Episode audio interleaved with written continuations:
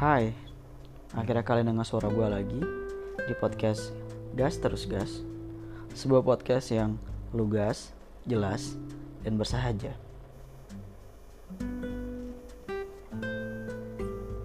Tiga kata sakti yang sering dilupakan. Maaf, tolong, dan terima kasih. Tolong. Minta tethering dong ambilin sepatu dong bukain pintu dong. Kalau lo jadi orang yang dimintai bantuan dengan cara kayak gitu kira-kira lo mau bantu atau malah kesel dengernya? Faktanya memang kita sering lupa bahwa minta bantuan dapat dilakukan dengan cara-cara yang lebih santun dan enak didengar. Gampang aja. Cukup dengan menambahkan kata tolong maka semua terdengar lebih baik cobain deh. Tolong nyalain tethering dong. Tolong ambilin sepatu dong. Boleh tolong bukain pintu. Tolong pakein sepatu di adik gua. Atau mungkin tolong jangan datang lalu pergi gitu aja. Enggak enggak bercanda. Apa sulitnya sih? Anda main satu kata di daerah kalimat permintaan bantuan. Gak ada yang sulit kan ingat menggunakan kata tolong itu gak pernah ngerendahin diri kita sebagai orang yang meminta bantuan. Di sisi lain, hal tersebut justru menandakan bahwa kita menghormati orang yang hendak memberi bantuan kepada kita. Bukankah menyenangkan dapat pertolongan di saat kita lagi kesulitan? Emang sih, ini relate banget di kehidupan nyata. Mungkin banyak teman kita atau ya siapa pun di kehidupan kita banyak yang hanya meminta sesuatu tapi dia lupa ngucapin kata tolong. Sebenarnya simpel sih tolong itu. Tapi kalau ada ya hilang kayak ada yang hilang Padahal di situ kita yang butuh. Di situ kita yang mau dimintain mau minta bantuan ke orang lain, tapi kita lupa kata kuncinya, itu tolong. Jangan pernah lupa minta tolong ya. Meskipun hal kecil. Kedua, itu ada maaf. Mungkin kata ini menjadi kata yang paling sulit diucapin. Walau gimana pun, manusia emang punya ego dan gengsi untuk mengakui jika dia itu melakukan kesalahan. Tidak jarang yang salah justru yang paling besar aura perdebatannya. Semata-mata hanya membuktikan bahwa ia tidak pernah bersalah atau bukan ia yang paling salah. Dengan maaf, kita dapat menurunkan atau meruntuhkan ego atas kemahabenaran yang ada dalam diri kita. Sejatinya, tidak ada manusia yang tidak memiliki kesalahan. Dan oleh karenanya, maaf masih diperlukan. Mungkin ini paling sering sih dialamin kalau kita lagi ngejalin hubungan dengan seseorang. Ketika lagi berantem atau lagi ya debat hal-hal kecil, mungkin gue pernah sindir dikit atau pernah bahas sedikit di podcast gue yang sebelumnya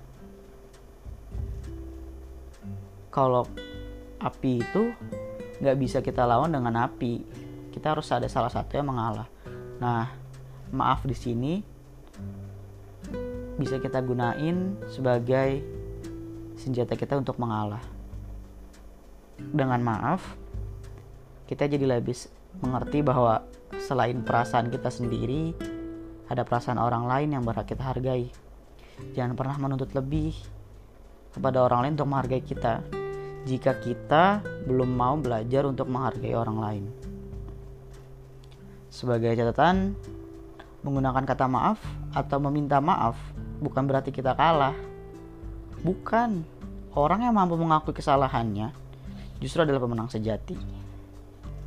Jadilah pemberani untuk memulai membiasakan diri menggunakan kata ini ketika diperlukan. Jangan hanya mementingkan ego dan gengsi. Yang terakhir, terima kasih. Banyak yang bilang ikhlas kan gak harus dimintain terima kasih atau ikhlas harusnya tidak menuntut ungkapan terima kasih.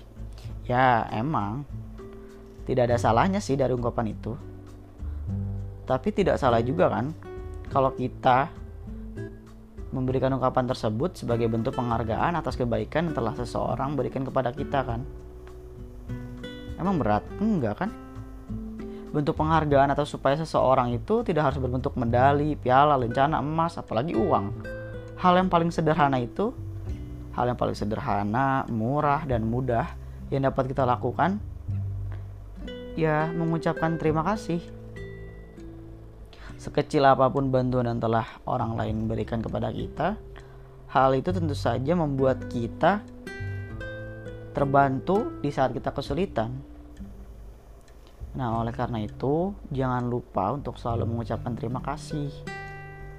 Meskipun hal kecil seperti nanya tugas ke teman atau mintain kontak dosen atau uh, everything hal-hal kecil yang mungkin menurut kalian itu nggak remeh temeh dan nggak penting tapi gue sering banget ngerasain terima kasih itu kayak ada sesuatunya gitu kayak ada ketika terima kasih itu diucapin meskipun hal yang udah kita bantu itu hal kecil tapi ketika kita mendapatkan ucapan terima kasih dari orang lain itu tuh kayak ngerasa banget dihargain dan ya kayak ada sesuatunya deh.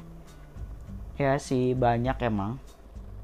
Ini juga terjadi di kehidupan gue banyak orang yang udah mendapatkan apa yang dia mau dari kita yang telah kita bantu tapi nggak ngucapin apa-apa nggak ngerespon apa-apa jangankan untuk bilang terima kasih respon sedikit pun tidak ada.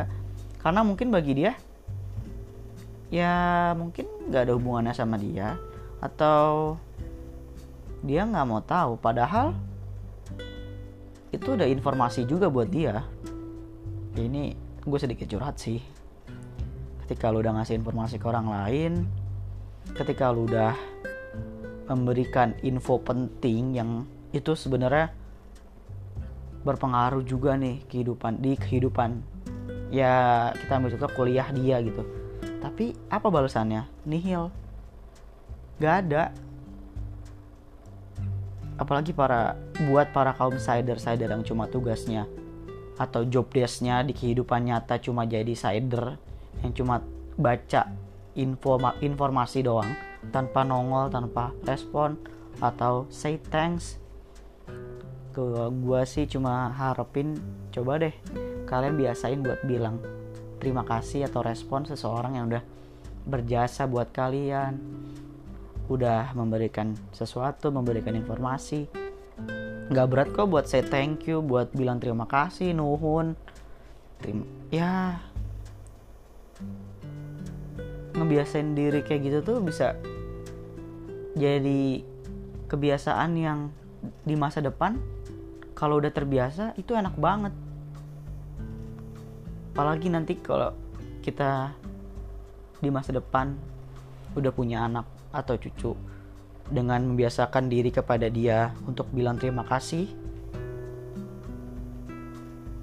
dan ketika dia udah mempraktekkan ke orang lain ada kebanggaan sendiri kan ke kita. Jadi ketiga, kata sakti ini emang mungkin sangat sulit atau sering dilupain buat orang lain atau kalian di luar sana. Jangan pernah deh kalian ngeremehin hal kecil atau hal remeh-temeh. Karena dari hal kecil atau hal remeh-temeh itu bisa berdampak besar buat orang lain. Jangan pernah berhenti buat jadi orang baik and stay positive. Thank you.